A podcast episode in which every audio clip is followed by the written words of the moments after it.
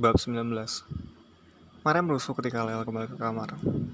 Bagaimana mungkin kamu tidak pernah bilang padaku bahwa anak laki-laki yang mengendari sepeda merah itu adalah Soki Batera? Lel menggeleng. Kamu tidak pernah bertanya, jadi aku tidak merasa perlu memberitahu. Lagi pula, aku sudah menyebut namanya esok. Sejak kapan jadi panggil esok? Mariam terus mengikuti Lel. Keluarganya memanggil begitu, esok. Dari nama Soke. Kamu bukan keluarganya, tapi kenapa kamu memanggilnya esok? Mariam bertanya. Lalu melotot, saja dia memanggilnya esok. Saat pertama kali bertemu memperkenalkan namanya, dia sudah memanggilnya esok. Bukankah Soke Batera diadopsi oleh wali kota? Lalu mengangguk. Dan dialah yang menyelamatkan kamu di lubang tangga darurat kereta bawah tanah. Lalu mengangguk lagi. Kenapa kamu tidak bilang bahwa itu bukan esok biasa, bukannya bukannya anak laki-laki kebanyakan yang menyebalkan. Lain kali Lel kali ini menoleh, melotot. Aku mau mandi, Mariam. Berhentilah mengikutiku. Lel melangkah masuk ke dalam kamar mandi, menutupnya segera sebelum Mariam terus bertanya ingin tahu.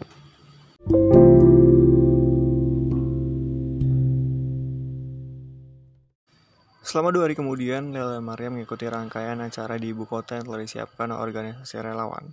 Mereka menjadi pembicara di beberapa acara, menceritakan pengalaman mereka di hadapan anak-anak sekolah, mengikuti pertemuan antar relawan, dan menghadiri undangan kantor pemerintah. Anting logam perak yang mereka kenakan membantu Lel dan Maria melewatinya dengan baik. Hingga jadwal pulang, Lel tidak bertemu lagi dengan Esok yang kembali tenggelam dalam proyek mesinnya. Ketika Esok bilang banyak ilmuwan terkemuka sedang bekerja menangkulkan masalah umat manusia, maka dia adalah bagian dari ilmuwan itu. Dua tahun terakhir hanya diketahui segelintir orang esok bergabung dalam proyek pembuatan mesin raksasa. Dia berada di gerbong terdepan, berjibaku mengejar waktu dan dikejar waktu. Sebelum semuanya terlambat dan kehidupan di muka bumi terancam punah. Usia esok 20, tahun terakhir di kampusnya. Sebetulnya esok sudah menyelesaikan seluruh materi kul kuliah 6 bulan tiba di sana. Lel belum tahu fakta itu bahwa kuliah esok hanya kamuflase bahwa 10 anak muda paling brilian dikumpulkan. Lel dan Mariam pulang ke kota mereka setelah semua rangkaian acara selesai. Mereka mengembalikan anting logam perak ke meja check-in dan, dan mengemasi barang-barang. Mereka diantar ke stasiun kereta cepat oleh petugas dari markas besar organisasi relawan ibu kota. Kapsul kereta melesat menatap gedung-gedung tinggi, jalur kereta layang, mobil-mobil terbang dengan aktivitas di kota dengan penduduk 20 juta orang yang mulai tertinggal di belakang. 6 jam perjalanan pulang, tiba pukul 1 siang kejutan. Claudia dan ibunya telah menunggu di peron stasiun kota mereka. Awalnya Lel ragu-ragu melihatnya. Mereka menjemput siapa? Kenapa kamu tidak bilang bahwa kamu pergi ke ibu kota, Lel? Istri wali kota menyambutnya memeluk. Mereka menjemput Lel dan Mariam. Ibu esok yang memberitahu kami, kalau dia turut menyapa Leo. Papa terkejut sekali saat tahu kamu menerima penghargaan organisasi relawan. Kalau kamu sempat bilang, Papa bisa minta gubernur menyiapkan segala keperluan di sana. Oh, ini pasti Mariam bukan? Hai Mariam. Istri wali kota menoleh ke arah Mariam mengeluarkan tangan dengan ramah. Mariam sedikit gugup bersalaman. Tidak ada lagi anting logam perak di telinga. Tidak ada yang akan memandu mereka cara bersikap baik. Lalu Mariam tidak bisa menolak jemputan itu. Mereka meletakkan ransel di bagasi, naik ke atas mobil. Istri wali kota duduk di belakang kemudi, lalu duduk di depan. Dia mulai terbiasa setelah pengalaman di ibu kota. Jadi dia bisa bercakap-cakap dengan lebih nyaman, apalagi Mariam bersamanya teman sekamarnya itu segera menyesuaikan diri. Pandai melontarkan lelucon membuat suasana menjadi santai. Mobil ternyata tidak menuju ke panti sosial. Ini ide kalau dia, Mak Lel. Kau tidak bisa menolaknya. Dia mengundang kalian makan siang di rumah. Istri wali kota menjelaskan. Lalu menoleh ke arah Mariam yang duduk di belakangnya tetapannya seakan meminta jawaban. Hai Lalel, kamu tidak pernah mau berkunjung ke rumahku dua tahun ini. Jika bukan kejutan seperti ini, kamu tidak akan bersedia, bukan? Ibu esok juga ikut makan siang di rumah, menutup sebentar toko kuenya. Please. Kalau dia tersenyum membujuk. Lalu terdiam. Menoleh. Mariam di jok belakang terlihat tidak keberatan. Baiklah, jika di sana ada ibu esok, mereka lebih nyaman. Claudia bersorak senang setelah Lel mengangguk setuju. Mobil listrik men melaju menuju kediaman wali kota tidak jauh dari stasiun kereta cepat 15 menit perjalanan melewati hutan kota yang hijau, taman-taman bunga, itu lokasi terbaik seluruh kota. Wali kota menyambut mereka di pintu depan. Seharusnya aku ikut menjemput kalian berdua di stasiun kereta. Astaga. Organisasi relawan kota ini bahkan tidak memberitahuku bahwa dua warga kota menerima penghargaan paling tinggi. Aku menerima telepon ucapan selamat dari gubernur, hanya untuk malu bertanya kepadanya tidak mengerti. Aku segera menelpon komandan relawan, mereka bilang sengaja tidak memberitahu siapa pun karena begitulah sejatinya relawan, bekerja dalam lenggang. Tapi aku harus tetap tahu siapa dua warga kota itu, siapa pahlawan itu. Beruntung ibu esok memberitahu kami bilang bahwa itu adalah kalian, Lala dan Mariam. Halo Mariam, senang bertemu denganmu. Wali kota menyalami mereka. Ini kali kedua Lel bertemu dengan wali kota. Wajah wali kota terlihat lelah. Aku tidak bisa menjemput karena sepanjang pagi rapat lewat video conference membahas KTT perubahan iklim dunia. Konferensi itu menghabiskan banyak waktu. Perdebatan panjang, semua keras kepala. Ah. Kalian kemari untuk makan siang. Mari lupakan KTT menyebalkan itu. Mereka menuju meja makan. Ibu esok sudah menunggu di sana di kursi rodanya. Makan siang berjalan lancar, masakannya lezat. Mereka banyak membahas tentang organisasi relawan, pengalaman Lel dan Mariam selama di ibu kota. Juga tentang penugasan di sektor 3, wali kota tidak bisa menyelesaikan makan siang. Dia mendadak harus kembali ke kantor, ada pekerjaan yang menunggu. Lel dan Mariam diantar ke panti sosial pukul 4 sore. Istri wali kota dan Claudia yang mengantar. Setelah ransel diturunkan dan mereka bersalaman untuk terakhir kali, mobil listrik itu meninggalkan halaman panti. Gadis itu cantik sekali. Merem berbisik, melambaikan tangan ke arah mobil. Lel mengangguk, menatap Claudia yang juga melambaikan tangan dari jendela terbuka. Kamu tidak cemas, Lel? Lel menoleh. Cemas untuk apa? Bagaimana kalau esok ternyata menyukai Claudia? Maksudmu? Mereka hanya saudara angkat, Lel. Jadi bisa saja saling jatuh cinta. Jika itu terjadi, kamu bukan tandingan Claudia dengan kecantikan, kebaikan, dan semua yang dia miliki. Kamu melihat kusam saat duduk bersamanya. Kalau aku jadi kamu, aku akan cemas sekali. Mariam tertawa kecil. Lalu melotot itu yang dia tidak pernah suka dari Mariam. Teman sekamarnya itu selalu terus terang menyampaikan apa yang ada di kepalanya. Mariam sudah membawa ranselnya lari meninggalkan Lel sebelum Lel berteriak marah.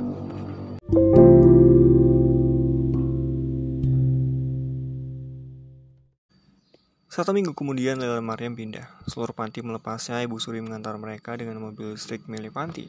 Barang-barang Lel dan Mariam dimasukkan ke dalam bagasi. Tidak banyak, mereka terbiasa efisien sejak dari tenda pengungsian. Hanya pakaian, buku-buku, dan dua kardus pernak-pernik. Sekali-sekali mampirlah ke panti. Ibu Suri menggenggam jemari Lel dan Mariam di lobi asrama sekolah keperawatan. Lel dan Mariam mengangguk. Kami punya sesuatu untuk panti. Maria mengeluarkan amplop dari saku. Ini apa? Ibu Suri membuka amplop. Itu cek digital berbentuk kartu pas biasa tapi berisi saldo uang. Tinggal dibawa ke bank, ke ATM atau mesin edisi. Saldo uangnya bisa ditransfer atau digunakan untuk membayar sesuatu. Ada yang kami terima di ibu kota. Lel yang menjawab, untuk panti sosial. Ibu Suri menatap Lel tidak percaya. Ini banyak sekali Lel. Bahkan bisa kamu gunakan untuk membangun rumahmu.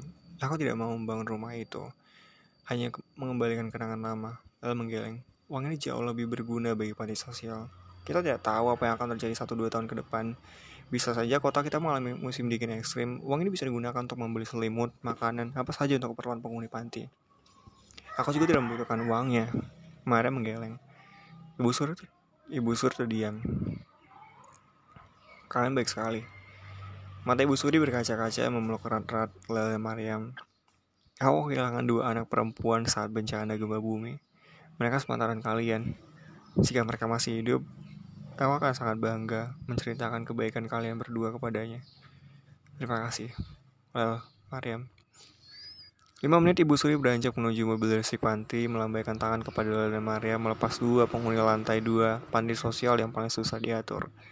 Hari itu resmi sudah Lola dan Mariam tinggal di asrama sekolah keperawatan kakak tingkat menyambut kehadiran mereka di lobi membagikan daftar mata kuliah, nomor kamar, serta jadwal makan.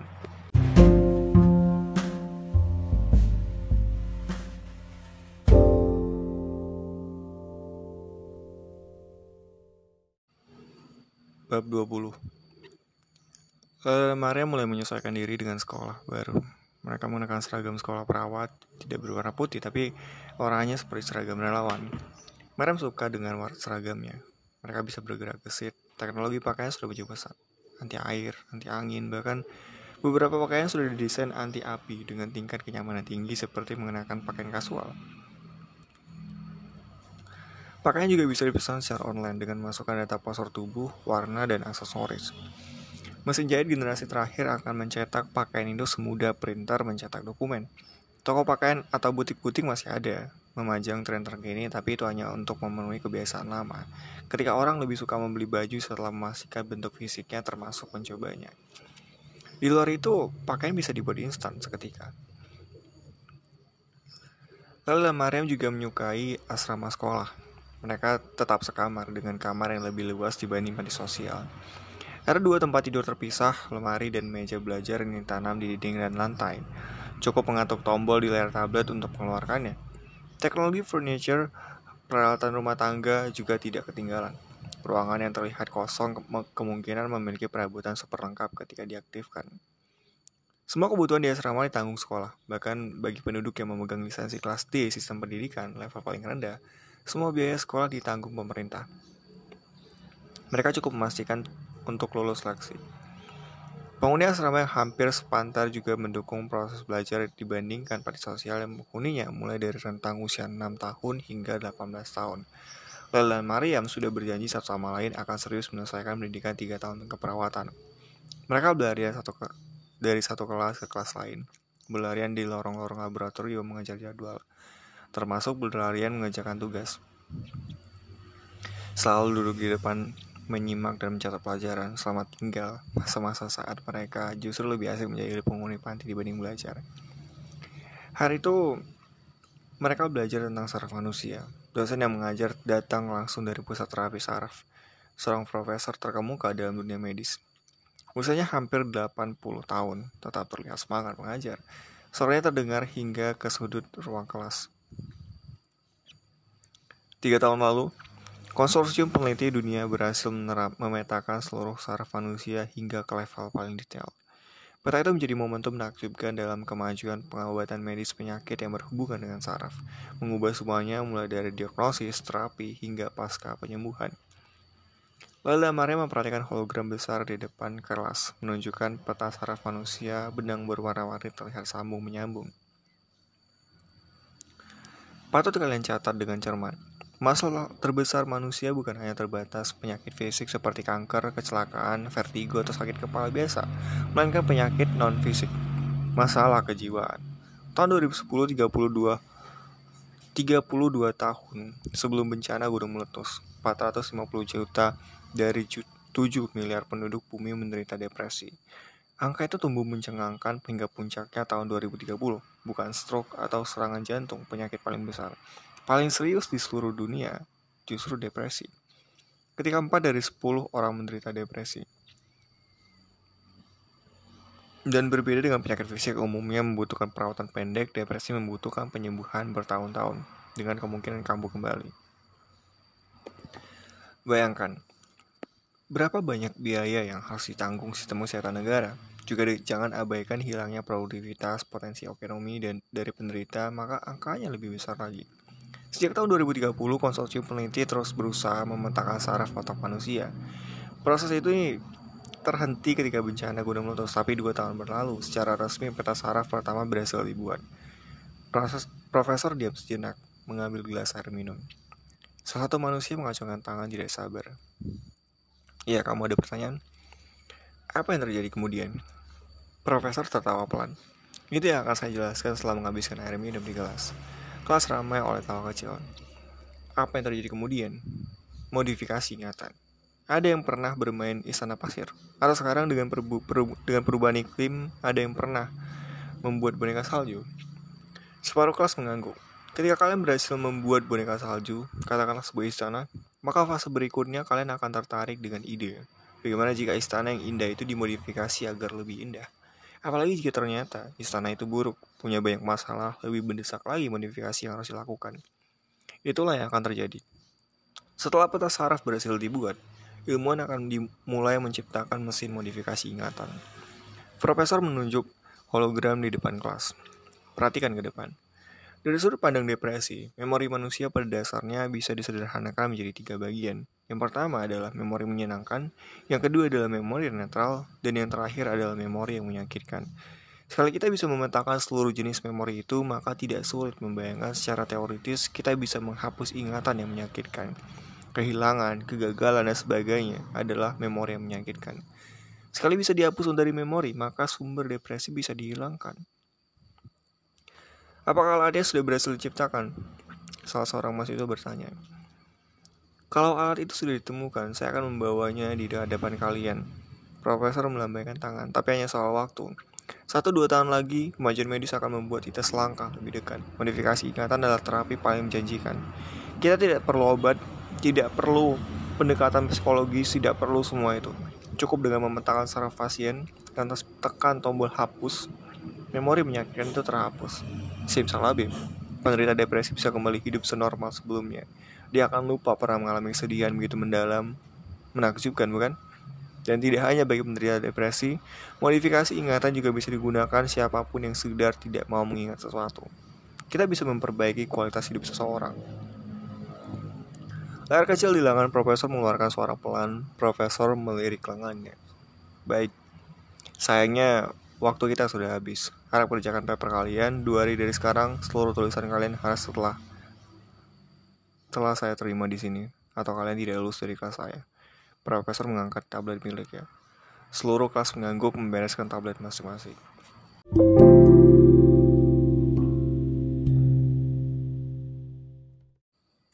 Lel dan Maria menghabiskan makan siang di kantin sekolah keperawatan, dua mangkok sup kaldu. Mereka sedang istirahat setelah kuliah tentang saraf tadi sekaligus menunggu jadwal kuliah biomedik 45 menit lagi. Gara-gara kuliah tadi, aku teringat sesuatu. Jemari tangan Mariam sedang mengetuk di kantin. Itu meja makan sekaligus layar sentuh, bisa diaktifkan seperti layar tablet. Hampir semua restoran, kantin memiliki teknologi itu agar pelanggan bisa online saat makan. Apa? Um, aku pernah membaca cerita yang menarik lalu. Kamu mau mendengarkan? Mariam memindahkan mangkok sup agar jemarinya leluasa mengoperasikan layar sentuh di meja. Cerita apa? Lalu menghirup kuah sup. Sebentar, aku lupa di mana cerita itu. Jemari tangan Maria menghentikan sesuatu, dia sedang menyambungkan meja makan ke harddisk pribadi miliknya di kamar sekolah asrama. Oke, ketemu. Maria berkata pelan, siap membaca. Dia menghentikan serangan gerakan tangannya, mendengarkan. Ada sebuah legenda yang pantas didengar kembali. Alkisah, ada seorang raksasa patah hati, sebuah tragedi melukai hatinya. Raksasa itu berlari ke tengah lautan yang dalamnya hanya sebatas pinggangnya, saking besarnya raksasa itu. Dia menangis terseduh di sana, memukul-mukul setapak permukaan laut, meraung, menggerung. Berhari-hari kesedihan itu menguar pekat. Raksasa yang sedih membuat ombak lautan menjadi tinggi, awan hitam tergulung, petir dan guntur menyalak di antara ruang kesedihannya. Badai melanda pesisir, kekacauan terjadi di mana-mana. Sungguh malam nasib rasa itu. Kesedihannya seperti kabar buruk bagi sekitar. Penduduk tahu betapa penderitanya raksasa, tapi mereka tidak bisa berbuat apa pun. Setelah 19 hari, raksasa itu masih menangis di tengah lautan. Peri laut memutuskan melakukan sesuatu, karena tempat tinggal mereka di laut dalam juga terganggu. Peri menemui raksasa, menawarkan sebuah solusi yang tidak pernah terpikirkan bagaimana cara menghilangkan kesedihan sang raksasa. Aku tahu betapa sesaknya rasa sakit itu setiap pelan napas, setiap detik. Laksana ada beban yang menindih hati kita. Tangisan membuatnya semakin perih, ingatan itu terus kembali, kembali dan kembali. Kau tidak berdaya mengusirnya, bukan? Sebagai jawaban, raksasa terseduh lebih kencang. Aku bisa membuat seluruh kesedihan itu pergi selama-lamanya. Tapi harganya sangat mahal. Apakah kau sungguh-sungguh ingin menghapus kenangan yang menyakitkan itu? Peri menawarkan obat terbaik. Raksasa sudah tidak tahan lagi. Dia ingin melenyapkan seluruh ingatan, seluruh kesedihannya. Maka tanpa berpikir panjang, dia mengangguk. Malam itu, saat purnama tertutup awan, Peri mengambil seluruh kesedihan milik raksasa dengan cara mengubah raksasa itu menjadi batu. Saking besarnya tubuh raksasa, batu itu menjadi sebuah pulau. Seketika tubuhnya membatu. Badai reda, awan hitam pergi. Seluruh kesedihan telah hilang. Bara menatap Lel setelah menyelesaikan cerita. Menarik bukan? Kisah ini aku baca lengkap saat di panti sosial. Bukunya tebal, mitos, legenda. Aku teringat lagi karena profesor tadi membahas tentang modifikasi ingatan. Aku akan menulis paper tentang itu. Apakah kita akan memilih melupakan atau mengenang semua kalau menyakitkan? Lalu mengembuskan nafas. Aku tidak terlalu suka kuliah tadi. Kenapa?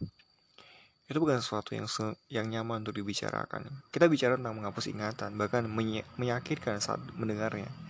Itu bukan seperti terapi mengobati luka di kaki atau kanker, yang ketika lukanya sembuh maka tidak ada yang hilang. Teknologi tadi tentang mengobati luka di hati, kenangan, yang ketika sembuh, justru kenangan itu hilang. Tetapi teknologi tadi tidak buruk, bisa membantu banyak orang. Aneh raksasa dalam cerita tadi tahu ada solusi lain selain bertemu dengan peri laut, yang mungkin tidak perlu menjadi batu, ya kan? Mariam bicara sambil menghapus, menghabiskan sup di mangkoknya, lalu terdiam. Kalau kamu dalam posisi raksasa itu, apakah kamu akan memilih menjadi batu, Lel? Lel menggeleng. Itu tidak menarik dibicarakan, Mariam. Waktu istirahat mereka habis saatnya menuju kelas berikutnya.